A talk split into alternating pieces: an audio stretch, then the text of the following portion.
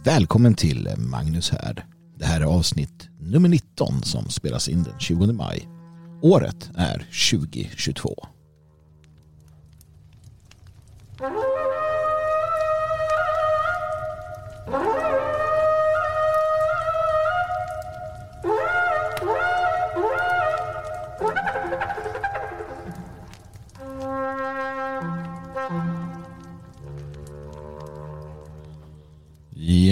Visst är det så, visst är det så. Året är 2022, det är avsnitt 19. 19 veckor har vi nu hållit på med det här tillsammans samlats kring härden dessa fredagar och haft det eh, trevligt tycker jag. Eh, inspirerande hoppas jag och folkbildande på olika sätt. Det är den 20 maj, snart kliver vi in i eh, juni. Sommarmånaderna kommer med stormsteg. Och för första gången på länge så fruktar jag inte sommaren. Det gjorde jag förut. Fruktade den väldigt mycket. Eh, det var varmt och det var på alla sätt och vis eländigt. Men eh, mycket berodde ju på en annan, så att säga under eh, egen förskyllan så hade man blivit stor och, och, och, då är det jobbigt att kliva omkring i värmen. Men när man har tagit tur med sådana där saker och blivit, kommit till bättre hälsa så ja men allting blir bättre. Så ett tips ett tips för alla är att komma i bättre hälsa om man kan. Det är sånt där som jag lär återkomma till framöver av, av olika dess slag. Men eh, annars så brukar vi inleda med rubriker, rubriker och åter rubriker. Det händer mycket. Det säger jag varje gång, för det är sant varje gång. Och ni kanske tänker att jag kommer att prata om Mariupol. Att jag kommer att prata om vad som har hänt i Azovstal. Eh, men det tänker jag inte göra. Jag hade en längre utläggning om detta här för något program sedan. Jag vet inte om det var förra eller det innan det. Jag, jag minns inte. Eh, alldeles oavsett så kommer jag inte eh, prata om detta mer just nu av flera skäl. Framförallt för att man vet inte. Jag har ingen aning. Ehm, det är väldigt eh, otydligt och väldigt svårt att veta och jag får inga, inga direkta rapporter själv heller angående vad som händer. Jag vet bara att det är väldigt Eh, utsatt. Eh, det är väldigt oroligt eh, och, väldigt sådär svårt. Som sagt, det återstår att se. Det återstår att se vad som händer. Och så fort jag har någonting att säga om det som är så att säga som jag, som jag vet, som jag kan stå för. Som jag kan säga att jo men så här vet jag att, att det har tagit vägen.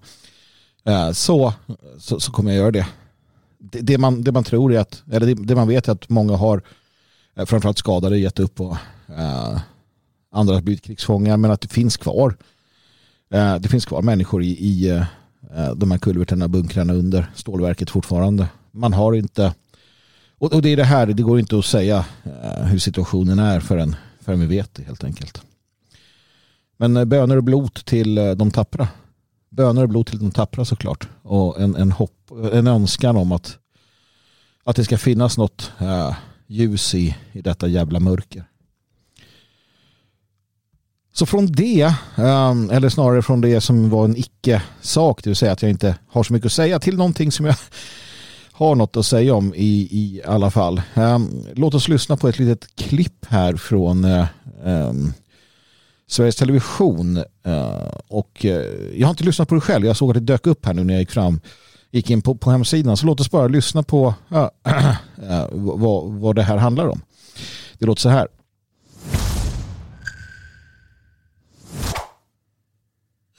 Ja, men det enda jag kan berätta egentligen det är att det är ett fall helt enkelt. Eh, mer än så kan vi inte säga om just den individen.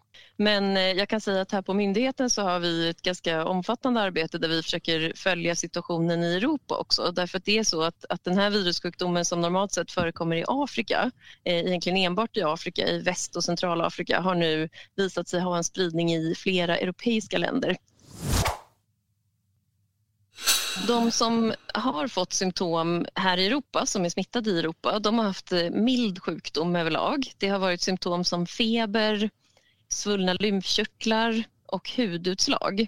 Hudutslagen har främst varit lokaliserade till könsorgan.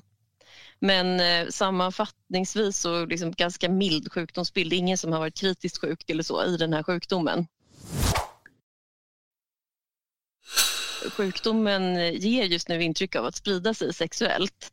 Både därför att många av fallen har rapporterat nyligen att de nyligen har haft en ny sexpartner plus att eh, symptomen är lokaliserade till just könsorganen och hela den här bilden gör ju att man ändå får anta att nu sprids monkeypox sexuellt och det är också en, en ny aspekt av... Ja, vi ger oss där. Vi ger oss där. Ni, ni fick vad ni behövde veta. Monkeypox, mina vänner. Ap... Eh, jag kan inte. Det är så dumt det här. Det är så dumt mina vänner. Monkeypox, det vill säga apkoppor. Apkoppor har eh, tagit sig till Europa och till Sverige. Apkoppor som kommer från Afrika. Och det är enligt Sveriges Television då en, eh, eller Folkhälsomyndigheten en sexuellt överförbar sjukdom. Det är i alla fall så det har gått till. Och den verkar dyka upp nu bland homosexuella. Ja, som, som nyligen har haft homosexuella relationer. Eh, sexuella sådana. Och eh, ja, då kan man komma, då kan man få lite monkeypox på, eh, på köpet. Va? Ja. Och jag vet inte, ska jag, ska jag liksom dra den här långa harangen om om eh, hur, hur, dumt det är att vara eh, sexuellt promiskuös eh, generellt sett. Ska jag behöva dra den här långa harangen om hur homosexuella och särskilt manligt homosexuella det är en helt annan sak. De relationerna är inte som heterosexuella relationer. Och det vet alla. De är mycket, mycket mer eh, sexuellt fixerade. Det är därför också eh, just sexuellt överförbara sjukdomar tenderar att inte bara dyka upp utan att eh, bli som mest allvarliga där. Sett till, till eh, procenten. Och jag har så många gånger diskuterat och resonerat kring det här så att jag orkar inte riktigt göra det nu. Jag bara konstaterar att den här moderna världen, den här äh, sexuella hämningslösa tidens äh, alltså promiskuösa helvetet fortsätter att ge. Den fortsätter att ge fantastiska då, äh, överraskningar till, till framförallt utövarna av den. Och det är lite så det fungerar. Karma känner ni till. Um, karman är ju inte, den är inte liksom absolut. Uh, människor kan ju råka jävligt illa ut utan egen förskyllan. Men, men allt som oftast när det kommer till vissa saker så är det så att du drar elände över dig själv. Du drar elände över dig själv. Uh, och, och, det gör de här människorna uppenbarligen. Uh, av olika skäl. Och på grund av att, att vi har en sån extremt förlåtande attityd och en extremt imbecill och, och, och kontrafaktisk attityd där vi till exempel fortsätter att hävda att homosexuella relationer, att manliga homosexuella relationer kan, kan direkt överföras till det beteendemönster du ser i, i normala eh, heterosexuella relationer. Att homosexuella manliga relationer är i princip samma sak. Ja, samma intensitet, samma, eh, samma liksom, eh, omfattning, eh, samma partner eh, eh, ratio som, som homo, heterosexuella. Eftersom vi, eftersom vi hävdar det, eftersom det fortsätter att spridas, eftersom den lögnen fortsatt är en sanning för många. Ja, då kommer ju det här som ett brev på posten, såklart. Det, det, det, det är vad det är. Va? Och, och hela den här globalistiska hbtq-multivärlden bringar detta över oss om och om igen. Det, jag menar, det är inte nog med att vi fick eh, tillbaka tuberkulosen. Det kommer all möjligt elände i mångkulturalismens och globalismens spår. Och, och den, den sexuella frigörelsens dito. Va? Och nu har vi apkoppor. Apkoppor. Ja. Ännu en sjukdom som ska belasta vården. Ännu en, en risk för människor i samhället. Och inte kommer det, äh, inte kommer det på något sätt påverka de utövarna av detta. Vi hade aids. Vi har andra sexuella sjukdomar. Det enda vi hör från, från homolobbyn det är att vi ska få ge blod utan att kontrollera. Vi ska få göra ditten och datten. Men de tar inte något som helst ansvar för det faktum att det alltid är i dessa kretsar som detta dyker upp. Alltid. Varenda gång. Varenda gång. Um, så ta lite jävla ansvar. Och återigen, som jag brukar säga, ni homosexuella som är liksom normala, normalt jävla folk. Vart är er röst mot eh, homolobbyn? Jag vet ju att, att ni finns där ute. Jag vet att det finns eh, homosexuella som bara vill leva sina liv. Som inte har något behov av att göra show av allting. som i allt väsentligt är som folk är mest. Men vart är er röst? Vart är ni? Det duger inte bara att höra av sig till, till undertecknade och säga att, att ni finns. Utan det måste ju finnas någon form av resning. Någon form av ryggrad där man går emot äh, homolobbyn och allt den gör. Allt det fördärv den bringar. Så gör det. Det är inte min sak. Det är inte, det är inte jag som är taletratt för, för er. Och jag vet ju att ni finns. Jag, jag vet ju det. Så att det här är en uppmaning till dig. Till er. Jag vet att det finns fler.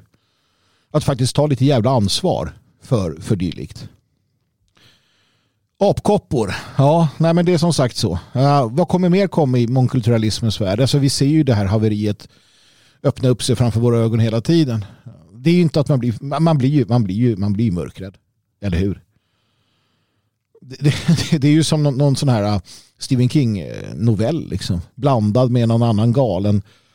Alltså det är allt. Det är människor, det är liksom eh, system som, som fallerar. Det är, det är människor som fallerar. Det är sjukdomar. Det är, det är liksom infrastrukturen som bryts ner. Det är sociala skyddsnät som, som liksom helt och hållet blir, blir sönderslitna. Det är människor som ja. Och då tänker man gärna att nej, men det här är sista dagarna. Det är liksom Harmageddon och liknande. Och tyvärr. tyvärr får man väl säga det kanske. Det har varit så här förut. När man läser historien, när man läser klarsynta människor under eh, civilisationens gång i vårt västerland. Eh, så har det hänt tidigare. Titta på Bhagavad Gita som pratar om det. Eh, hur hur liksom den här ruttenheten sätter in i samhället och, och allting sakta bryts ner i Rom, Grekland, alltså varenda civilisation, varenda högkultur har, har mött den här typen av eh, har mött den här typen av eh, undergång inom citationstecken. Va? Livet går vidare såklart, människorna går vidare, men, men det, det sker någonting. Och vi kommer fortsätta göra det tills vi hamnar rätt från början, eller tills vi tar itu med de grundläggande sakerna.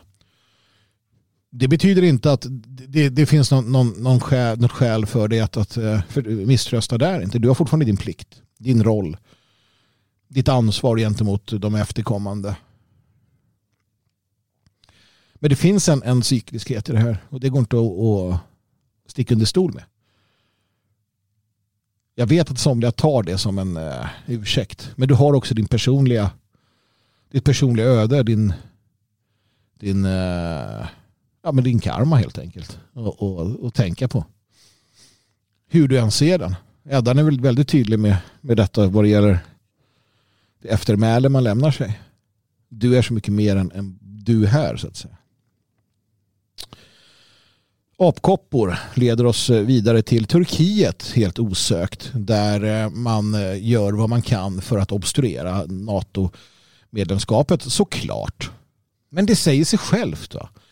Erdogan säger att eh, Sverige måste sälja vapen och kasta ut PKK-terrorister. Och han säger att vad är det för annars för, för liksom försvarsallians om, om Sverige skiter i det när Turkiet har problem med dem. Och han har ju rätt. Han har ju rätt i sak. Du kan tycka vad du vill om PKK och Turkiet och kurder och fan hans moster.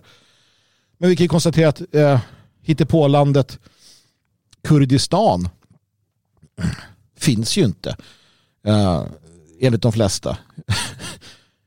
och alldeles oavsett om de finns eller inte så är de inte med i NATO. Och här kommer det ju. Välj sida. Du kan inte välja NATO och sen inte välja NATO-länder. Ja visst, det finns, det finns eh, finskap mellan Turkiet och, och Grekland och så vidare. Absolut. Men, men fortfarande är det ju så att du kastar in som Sverige här. Då, nej, men vi ska vara inne i en allians. Vi, vi är lite rädda och, och förskrämda och vi har ställt till det så pass eh, här i Norden att vi inte kan försvara oss själva. Istället för att satsa på Nordisk union, istället för att vårda de här sakerna så sprang Norge och Danmark med att hoppa in i NATO och nu följer vi efter och sådär. Uh, eh, Ja, och, och det kan ju finnas en, en, jag förstår ju det också, jag förstår hur man tänker där. Men, men man kan ju inte tro att man då ska, uh, att, att man då ska kunna hoppa in i det här um, utan att så att säga ta, ta några, något ansvar för de andra medlemsländerna.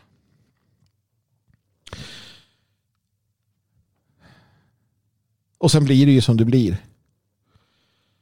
Jag, jag vill inte, jag vill inte alltså Ann Linde, utrikesminister. Alltså varför är man så dålig nu för tiden? Varför är politiker så jävla dåliga? Och det, det, handlar inte så mycket om kön. Jag menar, titta på en sån som Margaret Thatcher. Man kan tycka vad man vill om henne, men hon var en järnlady. Absolut. Det finns ju, det finns ju liksom kraft och, och, och, och kunnande. Eller fanns i alla fall. Men Ann Linde drar ner till eh, eh, Berlin i, i NATO-möte. Och, då, då, hon, då, och det hon gör är att hon börjar tjabba med, med den turkiska NATO-ledamoten uh, och anklaga Turkiet för att försöka sänka hennes feministiska utrikespolitik. Sverige har inte ens blivit medlemmar i NATO innan vi åker dit och mästrar folk. Om den här jävla feminismen. Alltså det är ju så att man blir illamående. Gud vad de skämmer ut oss de här människorna. Och, och eh, manstanterna är ju inte ett dugg bättre. Men det här matriarkatet som styr. Det, det är inte bra. Det funkar inte. Jag, jag lovar. Så det slutade alltså med att eh, den turkiska eh, den turkiska ledamoten får höja rösten och typ skälla ut eller säga till Ann Linde att liksom tagga ner. För att hon då försökte läxa upp honom kring feministisk utrikespolitik.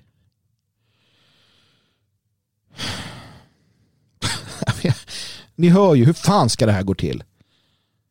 Hur ska det fungera? Det, det är så katastrofalt dåligt. Och det finns ju en, en, en evig sanning i det att män och kvinnor är olika. Och att det kvinnliga eh, kynnet inte är eh, lika väl anpassat till, till den eh, typen av stats, statsmanna egenskaper som krävs framför allt i denna tid. Uh, vilket jag tycker det här visar tydligt. Du, du har en bitter, sur liksom, feministtant som är liksom arg på Turkiet. Hon är inte arg för att Turkiet använder flyktingsituationen som vapen mot Europa. Men hon är arg för att de inte är feminister.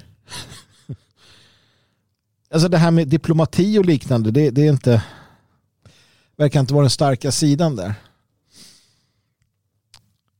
Nej, kompetens. Det är egentligen det det handlar om. Kompetens. Ja, och jag tror inte att den där kompetensen finns. Framförallt inte när du, när du besätter en regering med personer utifrån att du ska ha en viss liksom, könstillhörighet och liknande. Kompetens, låt den avgöra. Det kan de ju inte för det törs de inte.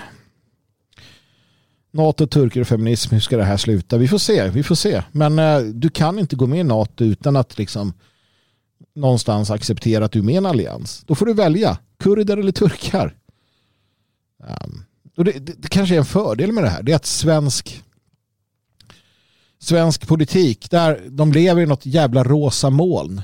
Bortom, tycker de, fysikens lagar och liksom världen som sådan. Ja, nu måste de nu måste de acceptera, ta ställning och, och, och fatta hur, hur, hur saker och ting ligger till. Då. Man kan ju hoppas att, det, att, det något, att något sånt blir eh, resultatet även om, även om det kan vara, äh, vara sådär äh, svårt att tro det. För att ja, eh, som vanligt så brukar ju sällan någonting liksom, ja, ändå komma gott utav det. tänker jag i största allmänhet om det där. NATO, turkar och feminism. Uh, Nåja, rubriker, rubriker. Jag är snart klar med det här. Men jag måste ta upp vissa grejer alltså. Uh, helst, vill jag, helst vill jag förkovra mig annat mer. Men vi, vi, måste gå igenom lite sånt där. Va? Jag går in på fria tider. Gratis inrikesflyg när flyktingar reser inom Sverige. Ni vet den här jävla flygskammen alla ska ha. Den gäller ju inte Migrationsverket och eh, de så kallade flyktingarna. För det finns ingen möjlighet, säger Migrationsverket, att eh, låta flyktingar åka mellan eh, Malmö och Stockholm till exempel med tåg. Eftersom det är så inhumant stort avstånd här handlar det om att en, en, eh, en familj, eh, nej inte ens en familj, fyra kvotflyktingar eh, fick ta sig från Bromma flygplats till Malmö Airport för att ja, helt enkelt hitta då sitt uppehälle där eller någonting. Och på fråga då från flera tider varför blir det så här så, så säger de att ja för att alla kommuner ska ha möjlighet att ta emot behöver vi använda oss av inrikesflyg när avstånden är för stora.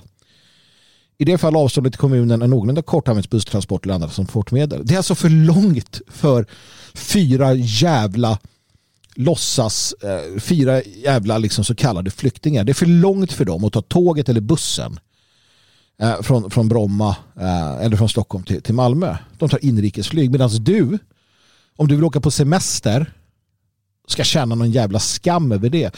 Alltså vi är så du vet, systemet står på knä framför oss och slår oss, uppercuttar pungen om och om och om igen. Och vi känner det, du och jag, eller hur? Vi känner det. Men svensken i gemen, de bara står och tar slag efter slag efter slag och sen blir de lite arga men, men de fortsätter att ta det. Och vilken bild får de här då? Fan vet var de kommer ifrån. De kommer till Sverige jag har sagt det förut, de kommer till Sverige som några jävla flyktingar som de kallar sig då. Och, och, och, och, och så bara får de då en resa från Bromma till, Stock, eh, till eh, Malmö. Får boende. Alltså de tas emot som vore det ett statsbesök. Och det finns inga motkrav. Framförallt inte på kvotflyktingar. Det kan vara vilka jävla skåp som helst. Va? Det finns noll motkrav. Noll. Det här är bara någon överenskommelse att vi ska sakta men säkert tömma afrikanska länder då på, på deras befolkning. Per automatik ska vi ta x antal per år. Som FN säger. Så plockar man några från en jävla hydda någonstans och bara, ja men du ska till Sverige. Frågan om de där människorna ens har möjlighet att säga nej. De kanske inte vill, har ni tänkt? Det kanske är någon jävla slavhandel för den här galna liberala världsordningen. De bara plockar, bara, äh, men kör på nu. Men så kommer de hit och så är det statsbesök. Här, här får ni allting. Och det är här som har fortplantat sig i samhället, eller hur? Jag har sagt det angående de där korankravallerna och all annan skit de ställer till med i förorterna. Vad händer? Jo, vi kommer att städa upp efter dem. Vi kommer att reparera efter dem. De kan göra vad de vill om och om igen. Och det värsta som kan hända är att de får sitta kanske en månad på kåken. Där vi fortsätter att tjäna dem. De är för fan smartare än katterna och hundarna. De har ju verkligen lärt sig. För att katter och hundar i alla fall, ja, hundar har i alla fall lärt sig att de ska vara så här eh, tillgivna och snälla, då får de saker. Katter kan vara lite jävliga. Men, men så, här, eh, så kallade flyktingar och invandrare, de säger att vi skiter i vilket, vi bara kör på. Ställer krav och Svenne Banan kommer ändå bara ge sig. Alltså blir inte svensken arg någon gång? Generellt tänker jag, alltså inte vi. Vi är ju mest arga hela tiden på det här. Men i gemen, äh, de tänker väl inte på det såklart. Utan då sitter de och tycker ja nej men jag ska inte åka till ja, Egypten eller vad fan tycker nu man vill åka. För att det är flygskam. Nej men jag stannar hemma. Ja. Nej men jag, jag, jag, jag säljer, jag skrotar husbilen som familjen skulle åka iväg och titta på Sverige med. För att vi måste låta de här åka flygplan såklart. Kvotflyktingarna vars bidrag till det svenska samhället och såväl den intellektuella som tekniska utvecklingen är minus Minuskontot hamnar det på. Va? Ta mig fan otroligt. Jag blir så trött. Men som sagt, jag, jag, jag, det, det, mest allvarliga här det är ju den det är det, vad, ge, vad, vad, får de för ja, vad får de för uppfattning? Va? Vad får de för vi lägger grunden för något väldigt, väldigt farligt. Vi är tjänare det är det vi lägger grunden till, att, att de ska se oss som tjänare.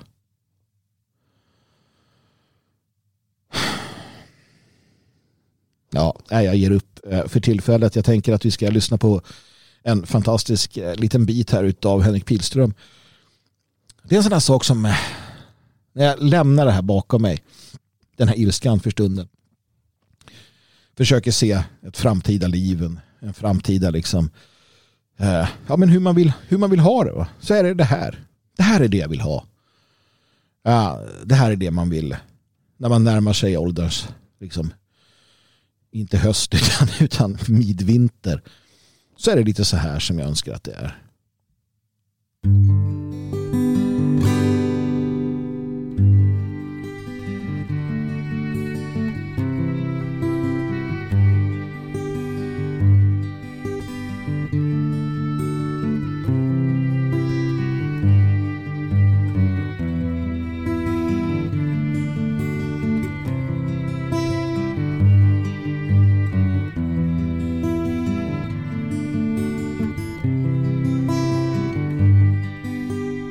platsen ligger ännu kvar i våran skog. Minnesmärket talar om väder från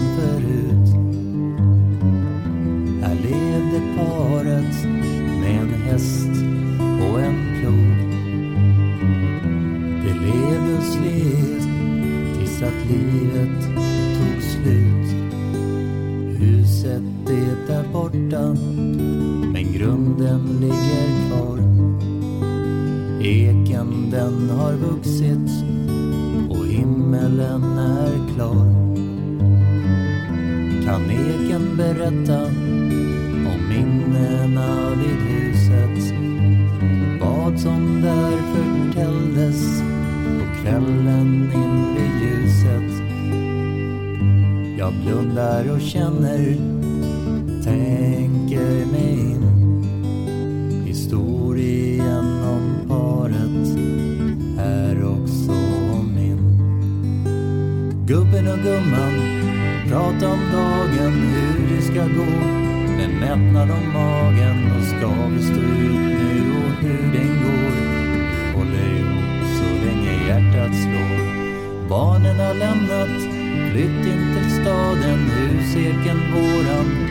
tappat bladen Vintern nalkas men steg för steg.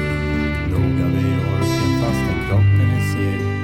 Gladdes av det lilla till gränsen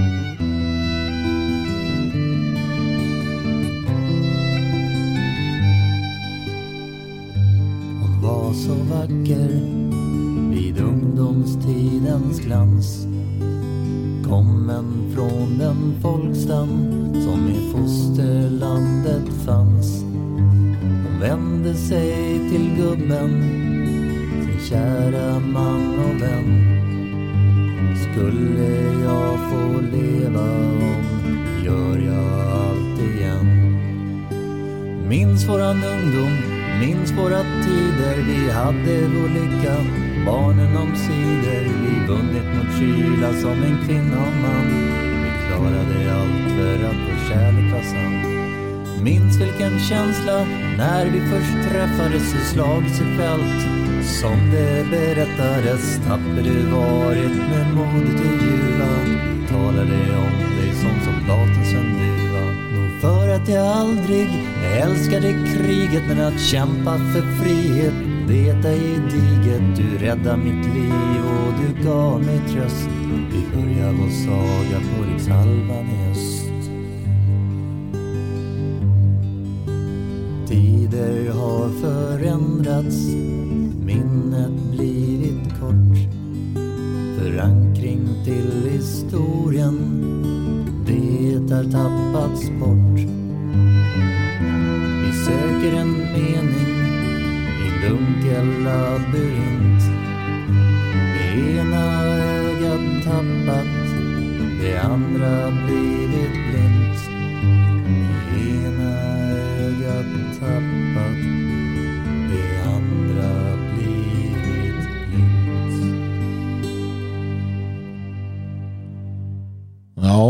Gubben och gumman, Henrik Pilström.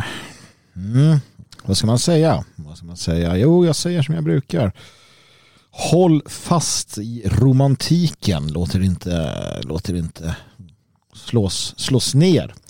Låter inte bli lurade. Tänk er själva. Jag menar, som han sjunger där. Va? Är, det inte, är det inte så det ska vara?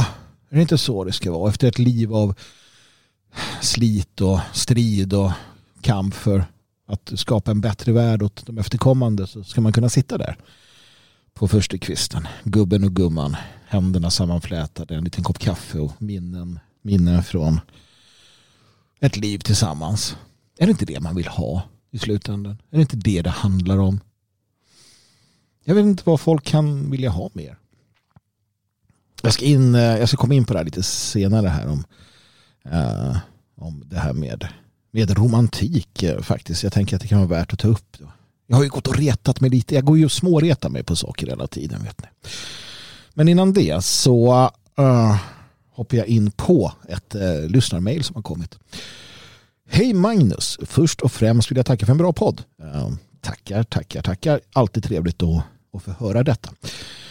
Jag har aldrig fattat hur man kan sitta helt ensam framför en mikrofon och vara intressant och relevant i över en timme utan att staka sig. Det, nu gjorde jag ju det. Eh, det gör du dock med bravur både i härden och tidigare i Godmorgon med Magnus och så vidare. Tack så hemskt mycket återigen för dina vänliga ord. Ehm, det är eh, jättekul att höra att man är uppskattad. Och det här är lite därför jag gör också. För att ni finns där ute och ni som, ni som på olika sätt och vis ja, drar nytta av det. Jag ser det som en del av tjänstgöringen. Jag har fallenhet för det uppenbarligen. Jag, jag tycker om det. Och, och det gör eh, det gör gott, det gör nytta. Det betyder ju att det är det här jag ska göra för att det är så många som ändå påverkas. Nu till mina frågor, eller snarare funderingar. Och vi börjar med fråga ett.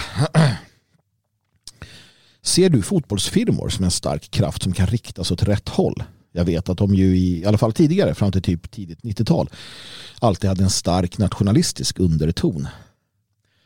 Jag tänker inte på att rekrytera på ståplats utan mer på att aktivt försöka tilltala dessa eh, snubbar, stora, starka med våldskapital och få dem att förstå att deras energi kan läggas på saker som är långt större än ett Stockholmsderby. Ja, du, ni kanske har vidrört detta ämne tidigare men då har jag i fall missat det. Ja, jag eh, ser ju firmorna som eh, eh, någonting som utan tvekan i denna tid är positiva inte alltid och inte allt såklart, som, som med så mycket annat, men den generella bilden.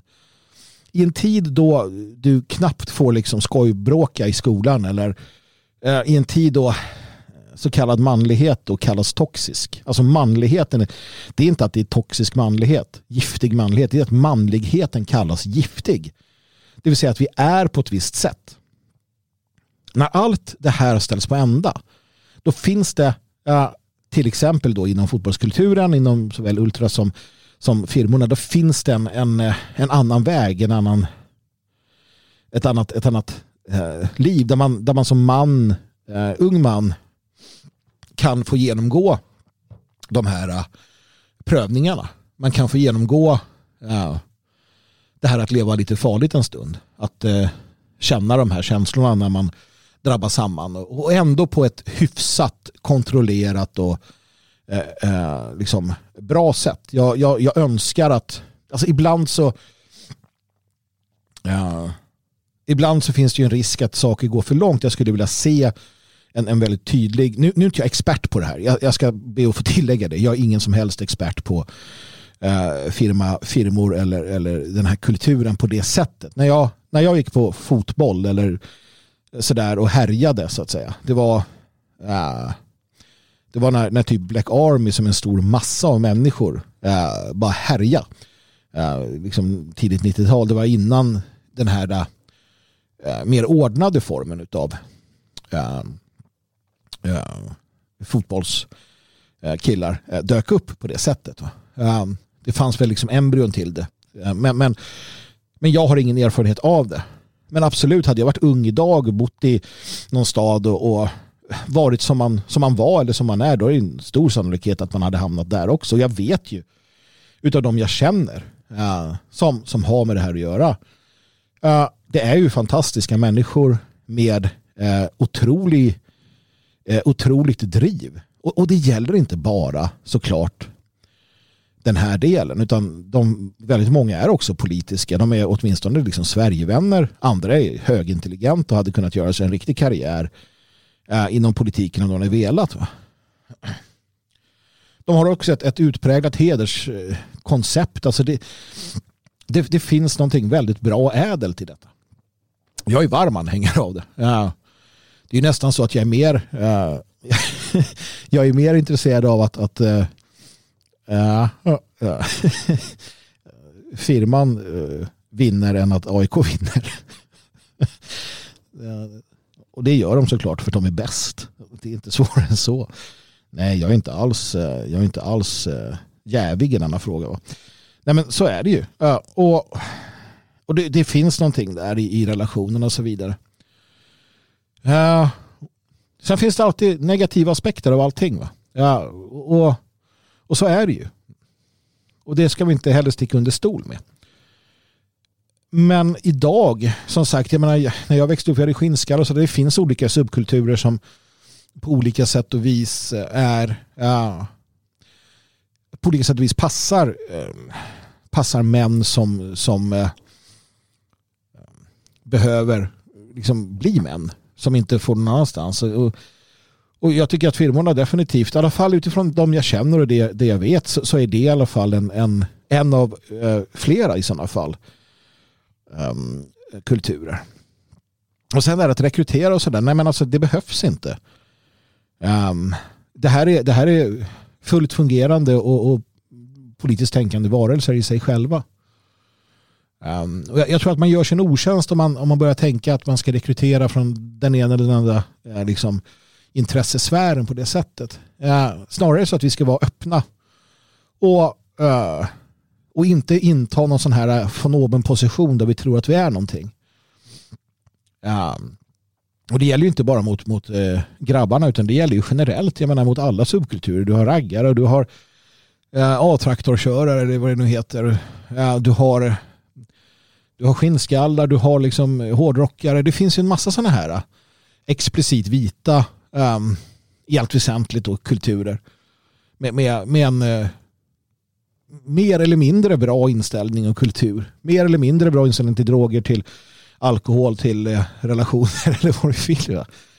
Uh, ehm, men, men vad det handlar om är att, att om människor kommer från eh, om människor vill, vill liksom kombinera sin sin, sin, uh, sitt deltagande i, i en firma eller i ett, inte vet jag, liksom, äh, gäng av något slag. Um, och också arbeta för Sverige och svenskarna så, så ser jag liksom inte att det finns någon, någon mening att, att eh, göra några större grejer av det. Va? Sen är det upp till var och en naturligtvis vad man vill acceptera eller inte. Um, såklart det här är ju alltid svårt ändå. Eh, och jag vet i USA till exempel så finns det ju, eller fanns i alla fall, mycket diskussioner kring det här. Och så, man vet ju till exempel att människor i uh, olika nationella grupperingar hade svårt att veta hur de skulle hantera Aryan Brotherhood, fängelsegänget som, som är tungt kriminella och ägnar sig åt saker som på alla sätt och vis skulle kunna ses som moraliskt, för, moraliskt förkastliga fram tills den dagen du själv hamnar i fängelse. För när du själv hamnar i fängelse så inser du att man gör det man, man gör för att överleva. Ja, och, och det är så. Växer du upp idag i storstäderna eller för den delen på landsbygden um, så gör du vad du måste. Du gör vad du måste för att uh, fungera. Lite beroende på hur det ser ut. Och, och, och, det kan vara att man söker sig till en gruppering där man hittar någonting av, av eh, som, ger, som liksom ger en identitet en, en möjlighet att utvecklas och, och ja, men söka det manliga och utvecklas på det sättet. Och vi ska fokusera på att presentera vår vision så ärligt vi kan. Vad vi vill, hur vi tänker. Och så kommer bra människor till oss. Och de kommer komma från firmorna. Absolut, där finns det en hel del. Uh, de kommer komma från andra konstellationer. De kommer komma från gäng, från mannaförbund, och ha kvar de relationerna. Och det är ingenting jag ställer mig och moraliserar över. Uh, som jag sa där. Man, man, har ju en man har ju en, en, uh, en förståelse för både lockelsen och, och den här uh, möjligheten att få utlopp för saker och ting. Jag vet inte om jag svarar på, på din fråga överhuvudtaget. Va? Ja. Men generellt sett finns mycket bra folk i firmorna. Um, många som är uh, Sverigevänner utan tvekan. Och uh, de har tagit stort ansvar. Jag minns för ett gäng år sedan när vi hade de här kravallerna uh, i, eh, i Stockholm. Och, och de stora de, de huvudstadsfirmorna gick ihop för att försöka hålla någon ordning. Man har också tillsammans, alltså de stora firmorna, varit nere och hållit ordning, eh, försökt hålla ordning och, och ta itu med problematiken efter, eh, efter massinvandringen där 2014 och framåt i Stockholm bland annat. När man, när man tog sig för, ja, men rensade centralen. Och utomlands är det ju likadant. Va? Så att, jo, eh, det är inte så att det är inte så att firmorna är någon integrerad del av vår nationella opposition. De står på egna ben. Men det, det är allt väsentligt Eh, bra folk. Som jag, som jag ser och upplever det. Va? Eh, och, och det, det, är väl den, den synen så att säga jag har på det. Jag fick ett tillfälle att intervjua en av dem i samband med eh, det här medborgargardet som dök upp. Och jag menar i framtiden eh, så kommer de vara några man kan lita på. I alla fall om det fortsätter som det har varit. och det gör det nog, i alla fall hos många av dem. Sen får vi se vad som händer naturligtvis. Men eh, ja, det är min tanke kring det. Frågan två. Hur definierar du Bob Matthews politiskt? Jag har dålig koll på honom. Jag har just fått hem eh, det tysta brödraskapet men du får gärna rekommendera något mer djuplodande. Jag har förstått att han var radikal, nationalist och eh, medveten. Och så en massa parenteser där. Men var han lagd åt det libertarianska hållet? Eh, ja, först och främst jag är glad över att, du, att det kommer en fråga om Bob Matthews. Det finns en viss oro i min eh, kropp över att eh, vi håller på att glömma de här hjältarna av olika skäl. Jag har ju eh, tidigare hade ett föredrag jag åkte runt med för många år sedan där jag berättade om den här så kallade andra amerikanska revolutionen då Bob Matthews och The Order som de kallade sig själva eller de Kallades American Resistance Movement tror jag också. Alla fanns olika namn. Kärt barn har många namn.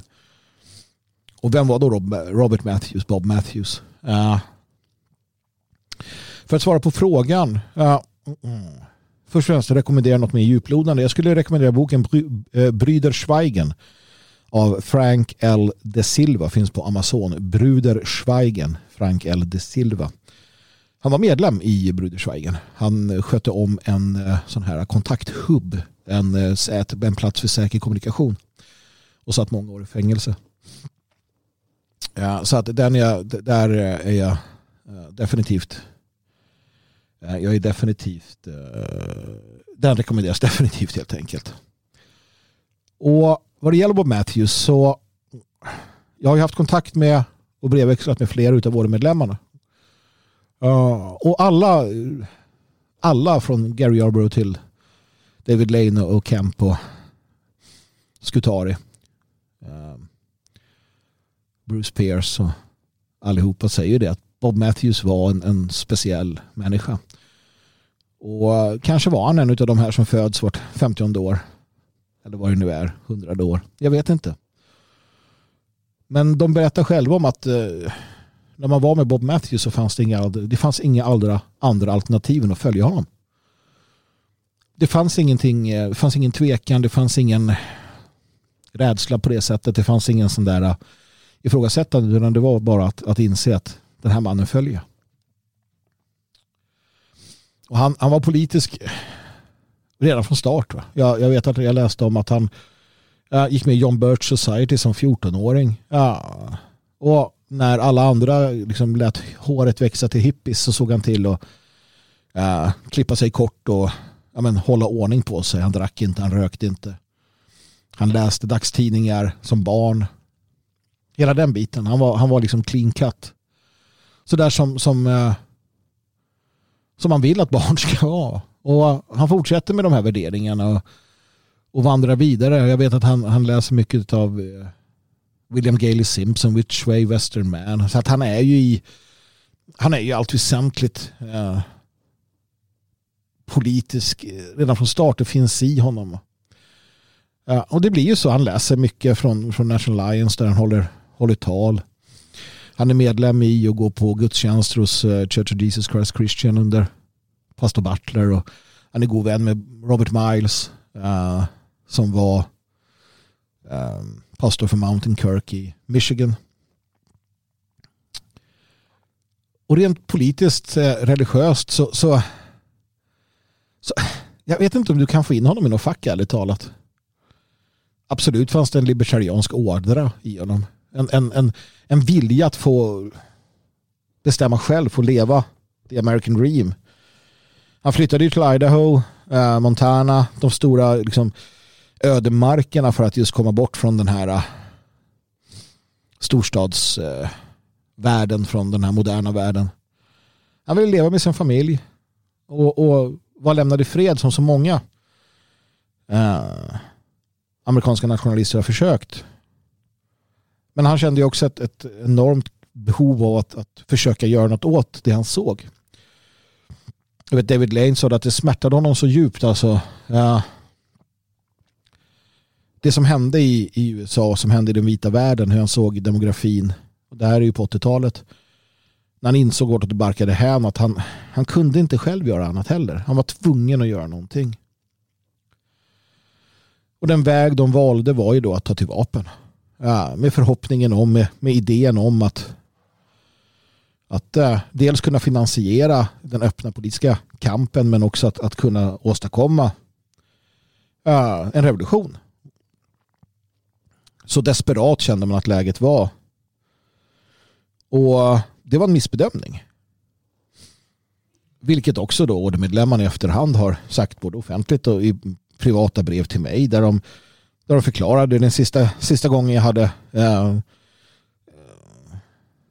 eh kontakter med typ eh, Richard Scutari så var det just det här att hur man ska jobba vidare. Han pratade mycket om det kulturella och skapa samlingsplatser och, och liksom någonstans skilja sig från, från världen på, på ett sätt. Leva i världen men skilja sig från. Alltså allt det här som jag själv och det kan jag ju behöver jag inte sticka under stol med. Jag är naturligtvis vägledd till del av dem.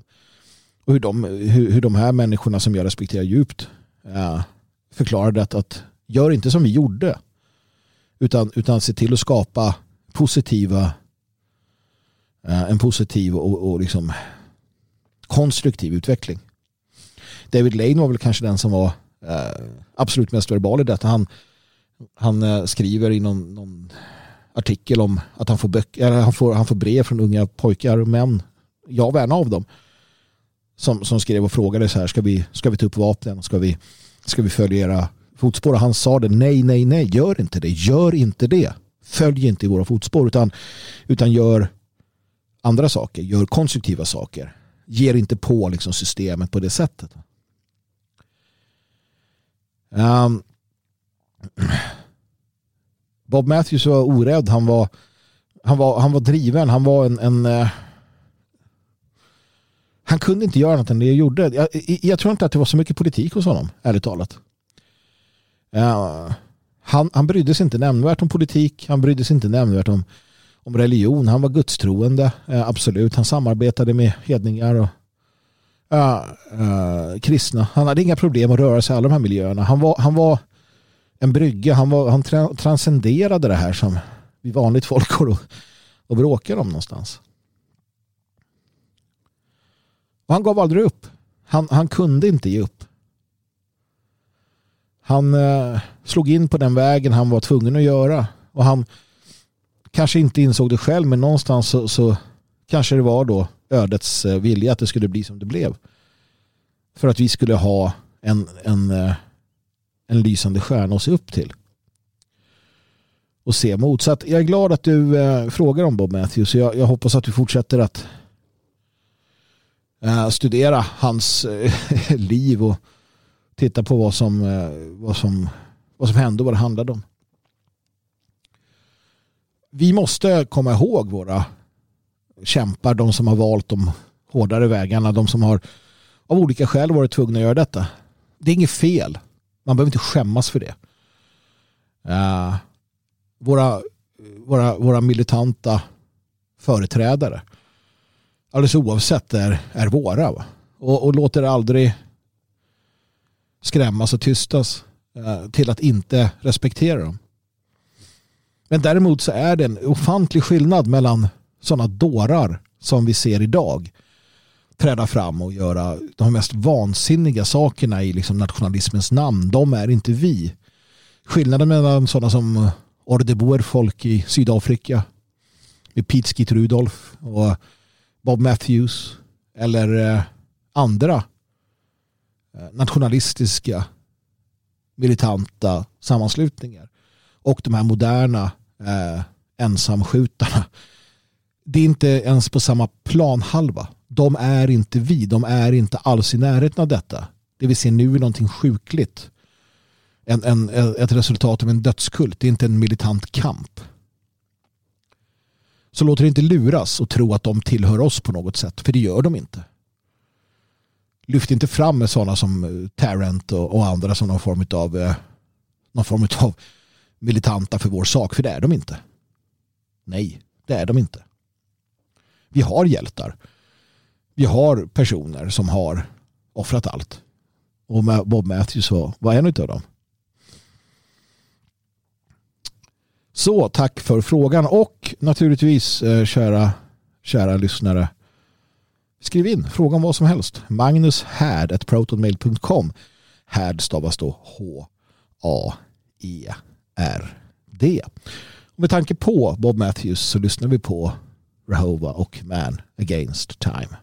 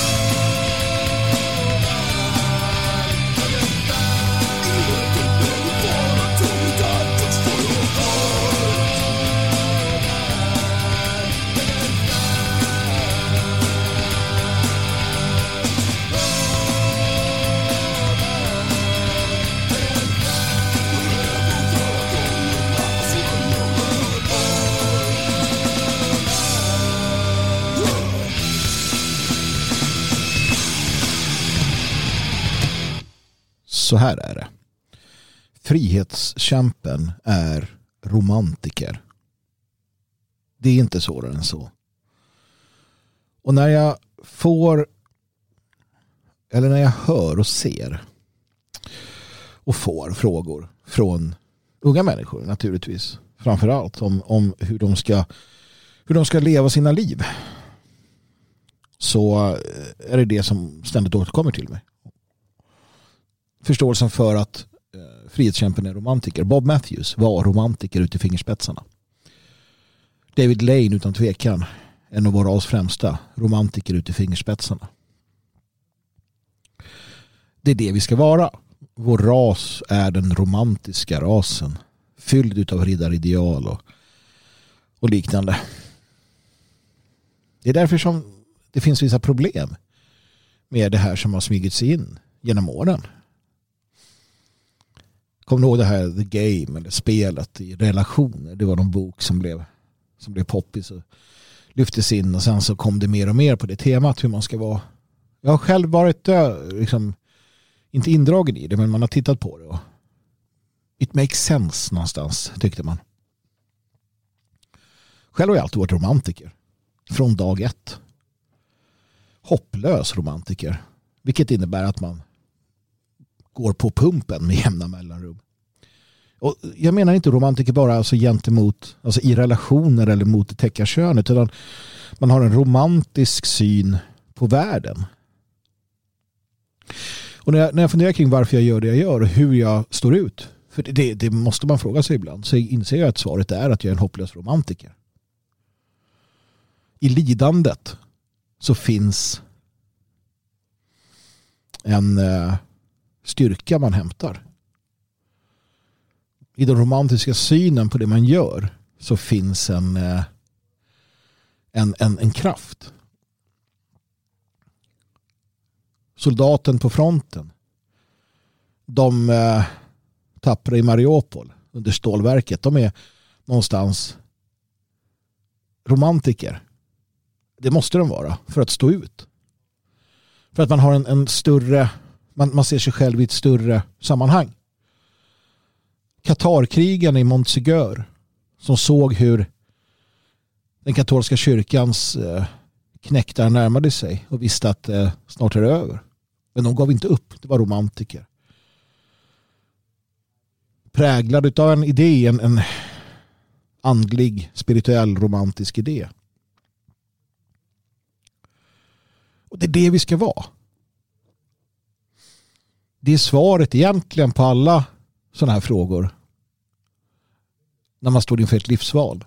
Hur ska jag lyckas med det eller det? Jo, var den romantiker du ska vara.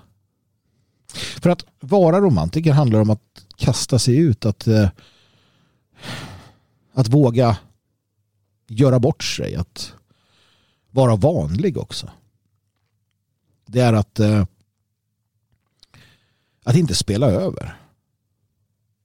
Det är att förstå att, eh,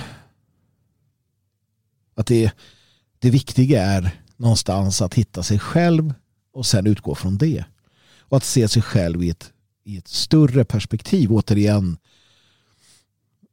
det går hand i hand med förståelsen av det idealistiska. Det romantiska, idealistiska. Och det är så mycket teorier. Va? Det är så mycket teorier här ute.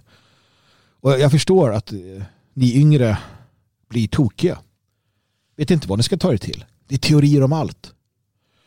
Och ofta så ställs ju frågorna då eh, om relationer, framförallt relationer. Man ska göra ditten, man ska göra datten. Man ska göra det, man ska säga så, man ska fundera så. För att eh, man är alfa och beta och allt möjligt. Det man glömmer är att vi inte är djur, vi är människor. Vi är människor. Med allt vad det innebär. Och teorier är bara teorier. Det är liv som räknas. Att leva. Och det gäller det mesta. Vill du göra gott för vårt folk? Ja men gör något du behöver på din höjd identifiera vad som är konstruktivt. Och sen gör något. Kasta dig in i det. Med passion. Det är den romantiska synen på det. Samma sak med, med, med ja, men träning är också en sån där sak som det finns ändlösa teorier. Hur man ska göra och det slutar med att folk sitter och gör ingenting. Utom att diskutera vad de borde göra. Att då ge sig ut och göra någonting som jag själv för två år sedan. Bara, nej men då går jag väl ut då. Jag går ut och, och lever. Alltså lev livet. Det kanske är där vi hamnar. Det är den, den nya romantiska synen. Lev ditt liv på riktigt, inte genom teoretiserande framförallt på sociala medier. Alla frihetskämpar har varit romantiker. De har hellre varit romantiker än kalla, cyniska, materialistiska varelser. Det är det som har drivit dem. En sån som Dacke, en sån som Wilhelm Tell, en sån som Robin Hood. Alla de som har känt att de ska stå emot ett, en tyrann eller eh, vad det nu kan tänkas vara. De har varit romantiker. De har eh, gjort det de gör för det de har bakom sig. De har sett sina söner och döttrar och hustrur eller andras söner, döttrar och hustrur och känt att det här är en sak som är värdig. Det är inte så mycket en, en eh,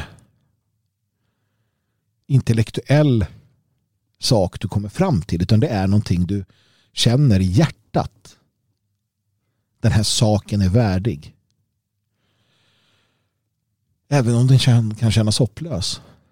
Det är det som präglar våra mest älskade myter om svärdet i stenen och, och,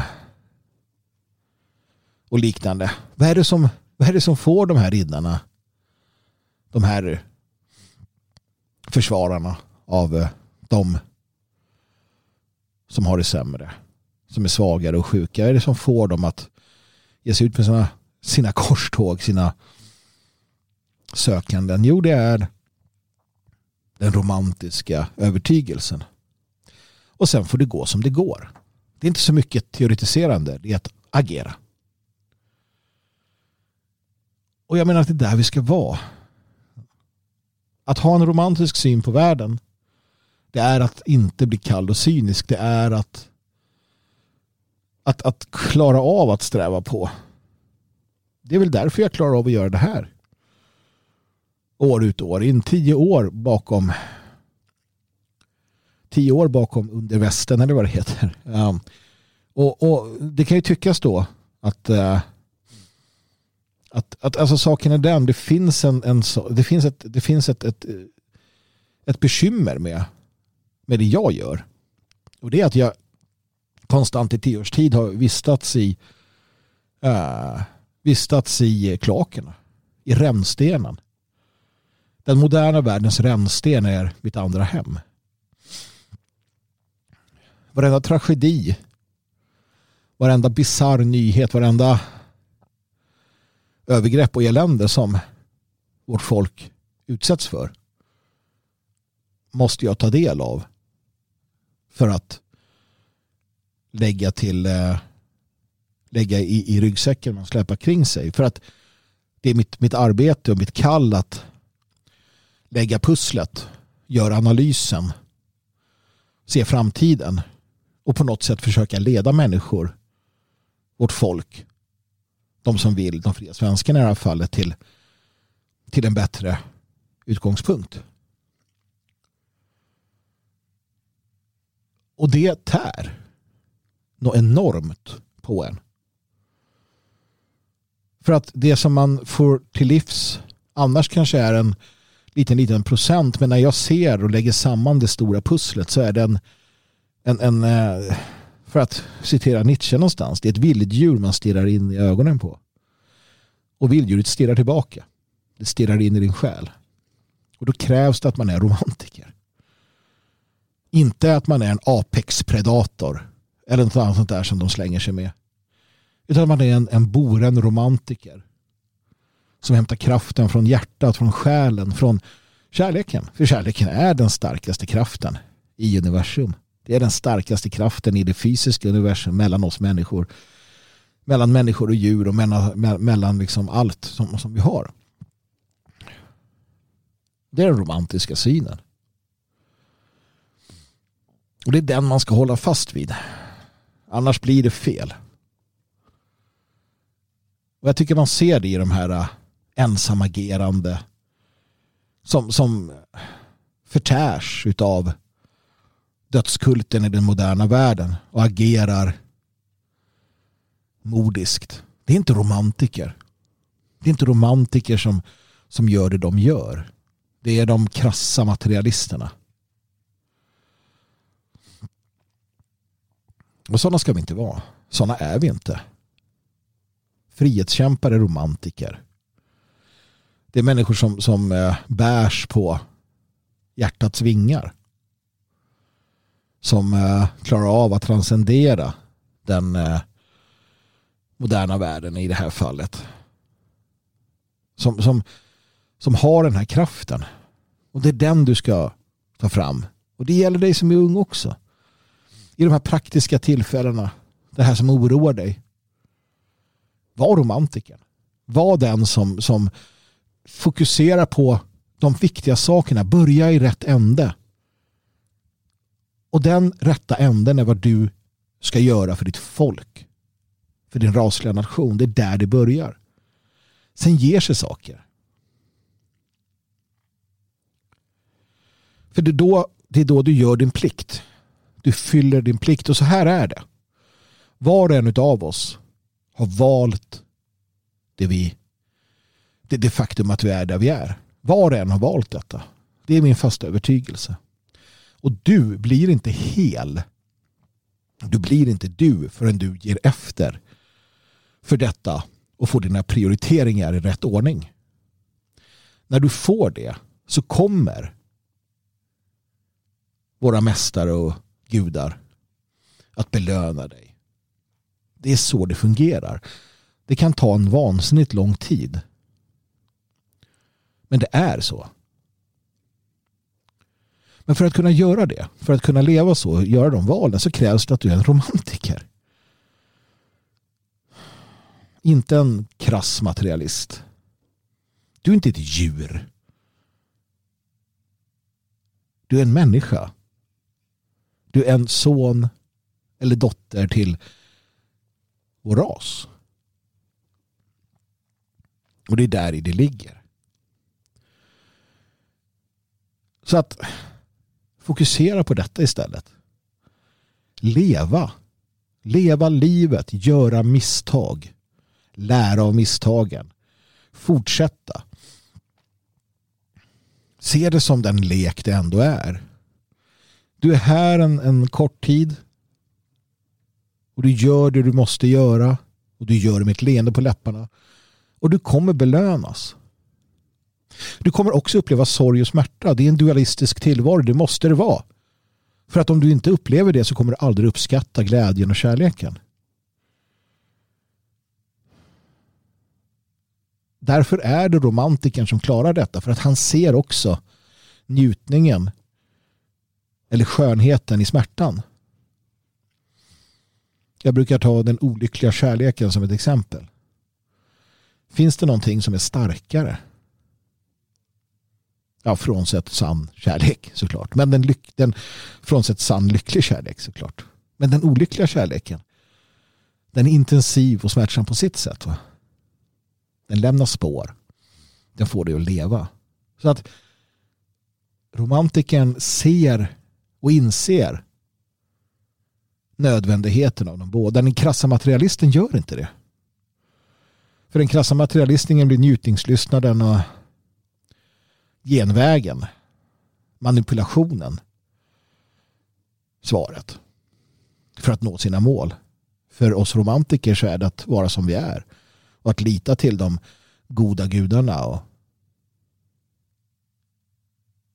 att det är det som gäller. Du får göra som du vill. Jag kan inte tvinga dig till det ena eller det andra. Men eh, jag kan säga vad jag tycker. Det har jag gjort. Jag lär återkomma till det ämnet framöver utan tvekan. Med det sagt så vill jag tacka Magnus, Kristoffer, Roger och Tina. Ni har alla generöst donerat en slant till härden genom swish 123 510 5762. Och eh, det gör ju också att hela vårt projekt Svegot kan drivas vidare. Så tack så hemskt mycket för den visade uppskattningen. Hoppas att ni uppskattade också dagens avsnitt. Nu mina vänner så är det dags att gå vidare. Det är dags att ta itu med resten av eh, dagen och helgen. Och sen är det en vecka sen så ses vi och hörs vi igen helt enkelt. Musiken spelades i samarbete med Midgård, Midgård Shop liberplay.com och liberplay.se. Där köper ni bra musik. Naturligtvis besöker ni svegot.se, detfriasverige.se och logik.se. Era eh, rastplatser här i eh, eten som jag gillar att kalla det för. Livets mening, mina vänner. Icke att förglömma. Slåss med troll, befria prinsessor, döda varulvar. Det, det är att leva och sist. Men inte minst, ge aldrig upp.